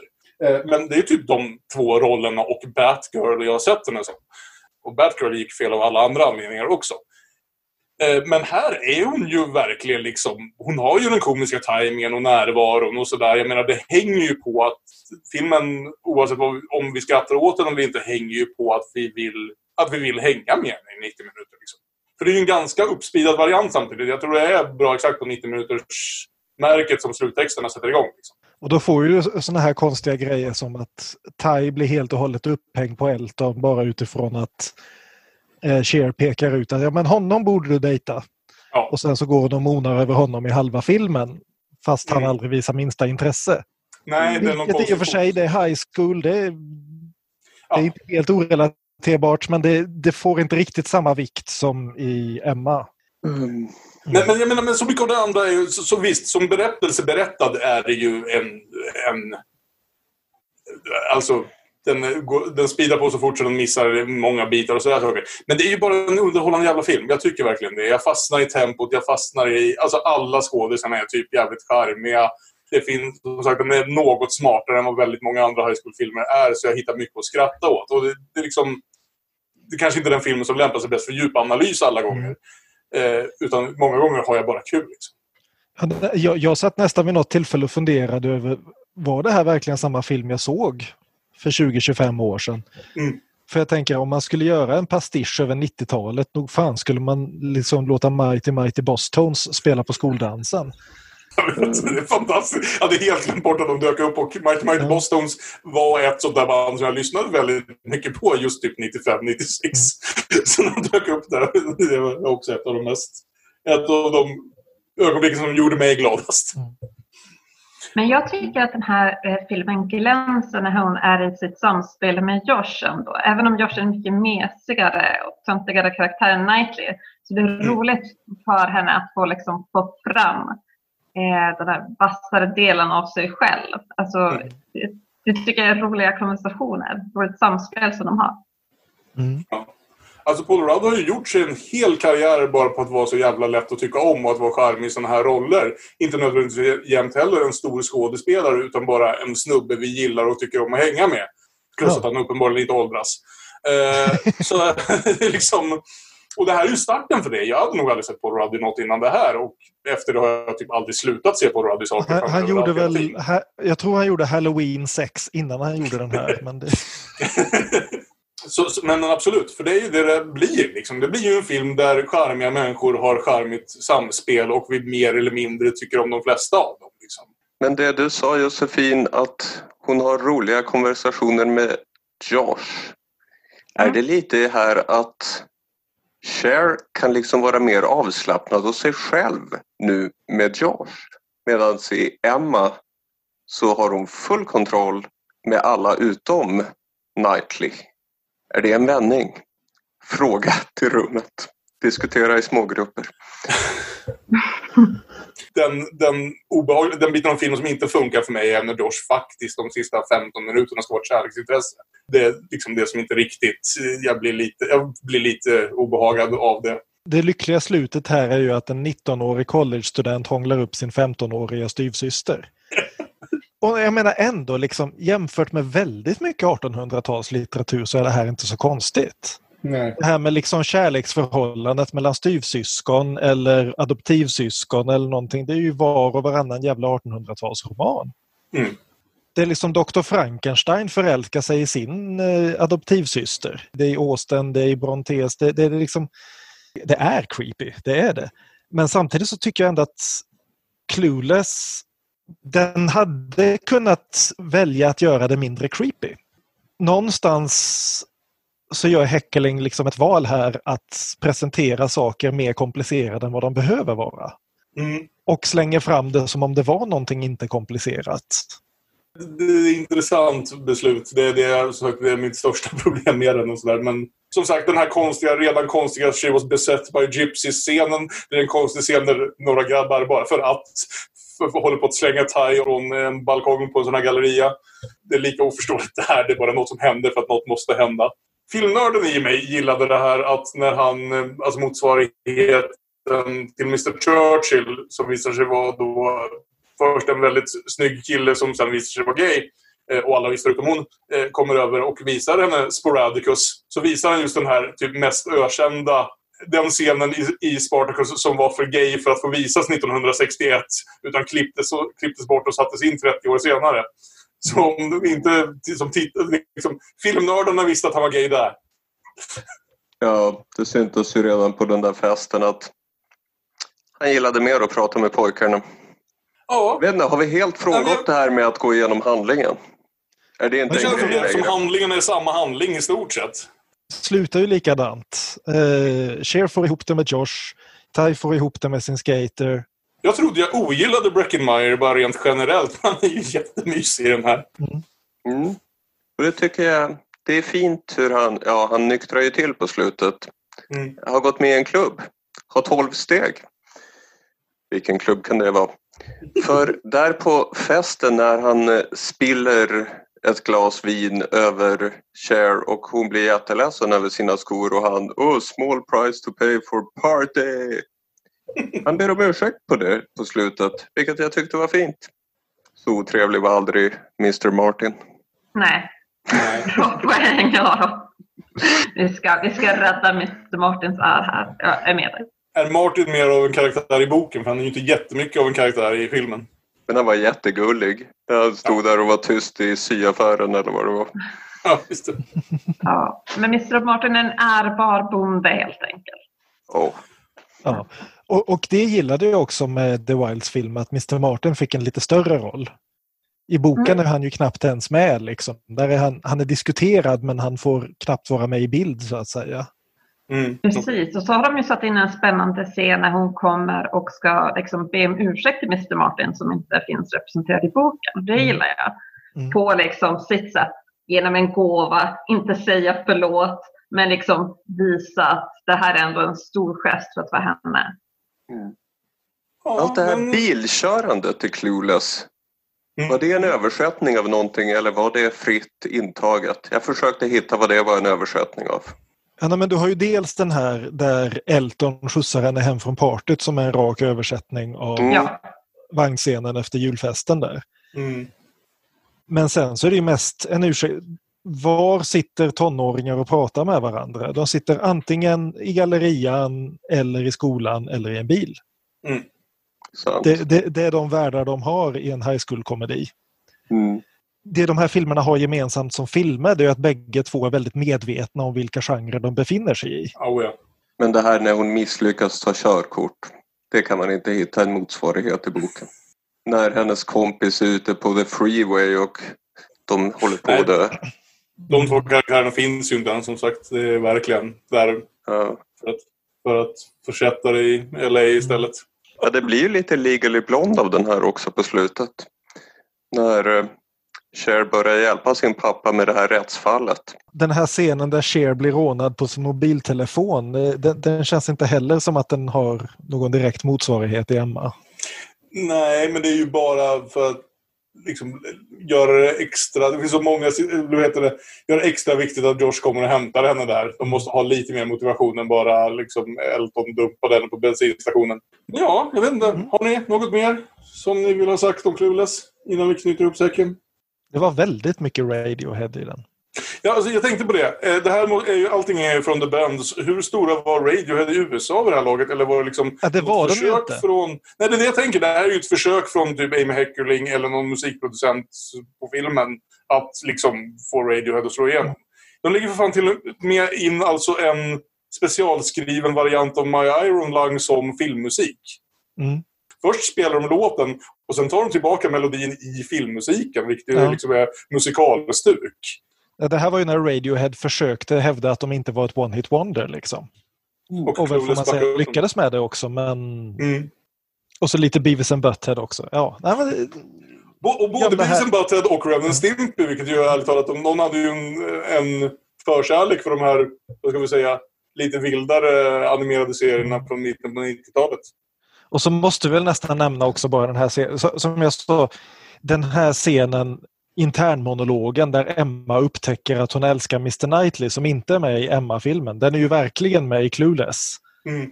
Mm. För vi har ju den här voiceovern genom hela filmen som det är sällan voiceover är en bra idé. Jag tycker det funkar i den här filmen men det är för mycket. Men Mm.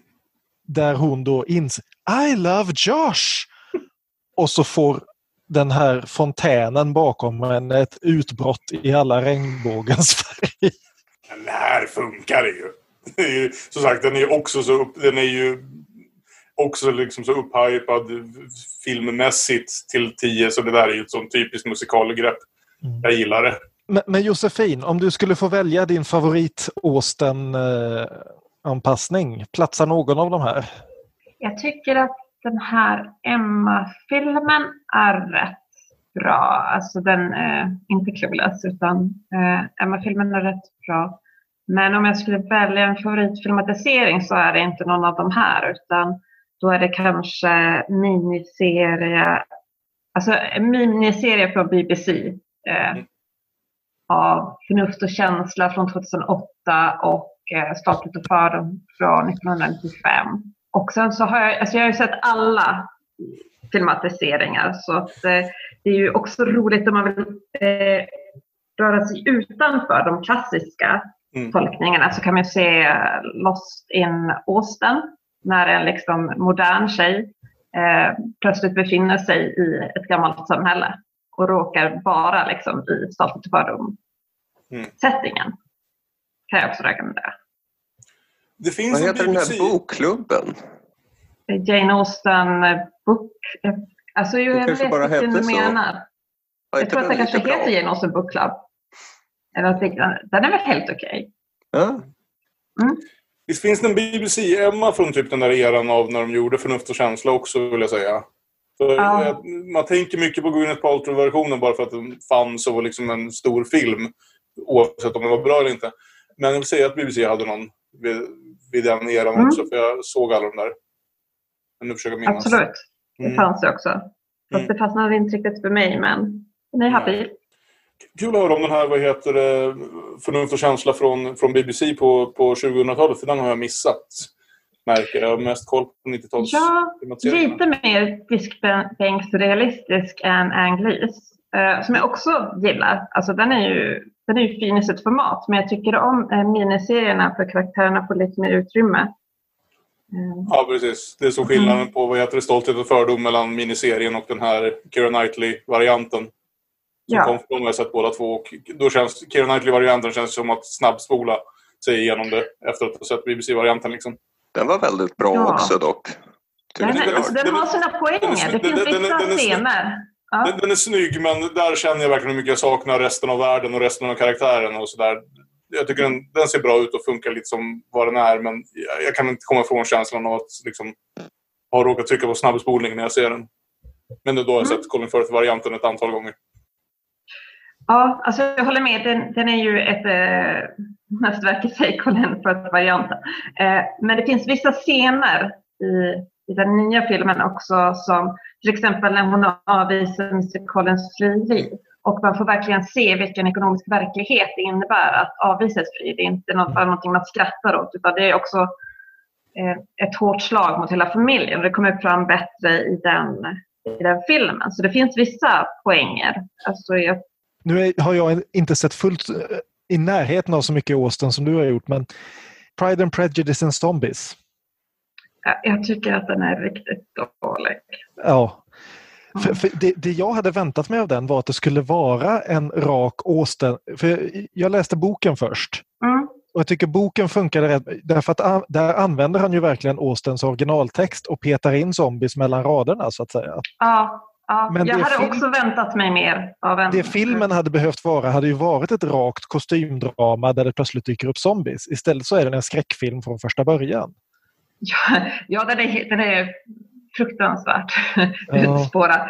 Eh, jag håller med dig att man hade velat ha lite mera eh, troget till, till boken som eh, är ju intressant. Ja, men också, det är väl två avslutande saker vi har tänkt ta här innan vi, som vi också tänkt göra i alla fall, så länge vi orkar, spelar en cover på en låt av en kvinnlig artist som vi tycker matchar veckans filmer. Dels, dels det första som jag tror vi kommer göra varje vecka. Vilken av de här två föredrar ni nu då? Jag säger inte att det är liksom någon slags officiell omröstning, men det är lite kul att höra ändå, känner jag. Jag gissar vad Josefin kommer säga, men... Ja, nej, men, eh, jag föredrar, eh, som ni kanske har förstått, Emma. Dels så tycker jag att det är, jag gillar starka karaktärer och jag tycker att Emma är en vass, rolig, stark karaktär.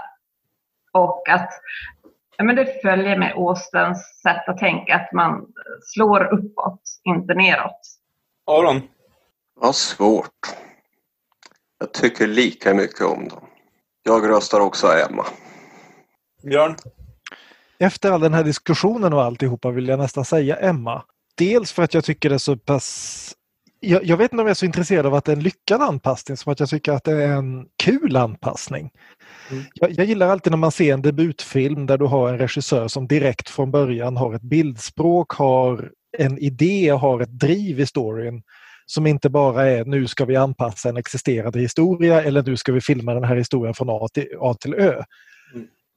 Det här är en film som verkligen är Autumn the Wilds Emma, inte, inte Jane Austens Emma filmad av någon som har blivit inhyrd för det, utan det här är hennes film. Liksom. Det, här, eh, det gillar jag. Sen, sen tycker jag om Clueless också, men Ja, och sen också som sagt, jag, jag tycker väldigt mycket om Anja Taylor-Joy. Jag har sett henne i ett antal filmer nu och hon är alltid bra, även om hon inte faktiskt mördar någon i den här filmen. Även om kanske Jane Fairfax sitter illa till efter filmen, det vet man aldrig. ja, men då så. Då sitter jag här själv och viftar för Clueless bara för att jag har... Dels har jag ett förhållande till den filmen som sträcker sig tillbaka några årtionden, men dels också jag tycker bara den är så jävla kul. Jag skrattade. Det var en glad upplevelse att se den igen bara för att jag var så glatt överraskad över dels hur mycket den faktiskt var Emma, hur mycket av Emma den använder, men också hur väl, för mig i alla fall, den vrider det till något riktigt, riktigt underhållande och tempofyllt. Och just det här nu att det är den mest 90-talfilm som finns och allt är hysteriskt roligt att se. Eh, och med det sagt att jag också nog var mest tveksam till Emma-filmen för att som sagt det tog mig nästan halva filmen. Det tog mig fram till balscenen innan jag var riktigt fast i den. Sen så tycker jag att den andra halvan är riktigt bra där också. Alltså, sen måste jag bara säga, Clueless är ju ett härligt tidsdokument som du säger Kalle. Den har sina mm. poänger. Det är bara det att eh, det var som att jag började fokusera på själva Emma-karaktären och sen kunde jag inte få det osett. Nej. Ja. Clueless kanske inte mår bra av att ses igen tillsammans med Emma. Mycket möjligt. Man tittar inte på eh, Lejonkungen direkt efter att man har sett Oliviers Hamlet. Det... Däremot skulle vad heter, Ten things I hate about you klara sig fint bredvid en så tuktas en argbigga. She's all that skulle dock tappa lite.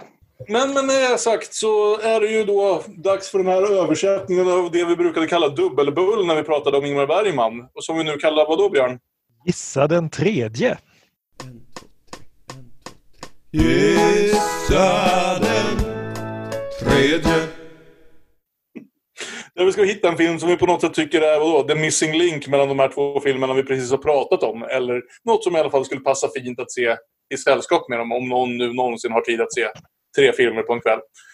Eh, kanske man har så här i coronatider, vem vet? Och jag känner att jag inte riktigt eh, har gjort mitt val än, så jag lämnar över det till, till Björn. Börja. Jag funderade en del över det och just det här med moderna anpassningar av historier som funkar eller inte funkar. Och den som dyker upp här, inte minst med tanke på Beverly Hills och alltihopa, det är ju Joss Whedons Much Ado About Nothing. Den gillar jag. Jag tycker å ena sidan är en så himla charmig film. Det är så väldigt uppenbart att det är ett gäng kompisar som har tagit en mer eller mindre onykter helg med ett par filmkameror och filmat en Shakespeare-pjäs hemma på bakgården, verkligen bokstavligt talat.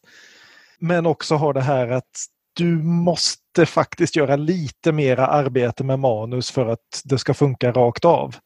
När du har liksom karaktärer i 2010-talets Beverly Hills som pratar elsabetansk engelska. Visst, det blir, det blir en del av humorn men det, det är en jättecharmig film men det är inte en jag vet inte om det är en bra filmatisering av Much Ado About Nothing. Nej. Josefin, har du någon annan film du vill rekommendera i sällskap med dessa? Eh, jag, jag, tycker tankarna går lite grann till Marie Antoinette, just för den här mm. pastelliga eh, överdådskänslan, tjejen som är lite clueless och eh, så får man liksom sakta så går det neråt. Men där har vi ett mycket mer dramatiskt och blodigt slut. Mm. Men jag tänker att det kanske är jag tycker det är lite spännande också. För att historien är ju inte så himla förtjust i så kvinnligt utlevande eh, starka karaktärer. Många gånger så blir kvinnor brända, eh, avrättade istället för att de får ett lyckligt slut och blir gifta. Eh, så att, ja, som någon typ dystopisk version av de här filmerna, kanske med varianterna. Jag är, super, jag är superförtjust i den också. Vi får väl se. Vi, är inte helt, vi har inte helt spikat vårt schema för året ska vi, säga, ska vi säga. Men det är väl inte helt osannolikt att vi dyker på Sofia Coppola förr eller senare. Ja, jag kommer ju inte på något så jag kan ju ta en film jag inte har sett som jag kände att jag ville se efter att ha sett Emma. Och det är en, en annan 2020-film som heter Stardust med Johnny Flynn som spelar Knightley. Jag tyckte han var rätt bra. Och där spelar han David Bowie. Och det ska vara någon slags skiftet från 60 till 70-tal. När David Bowie inser att ingen gillar när han sitter och sjunger Jacques Brel med sin tolvsträngade gitarr. Och istället uppfinner han Ziggy Stardust. Den han just har biopremiär i, i England och den fick bra recensioner.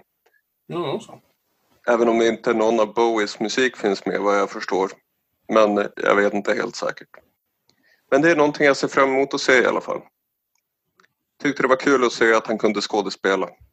Ja, jag var inte bekant med honom. Jag tyckte också han, han skötte sig väl i den här.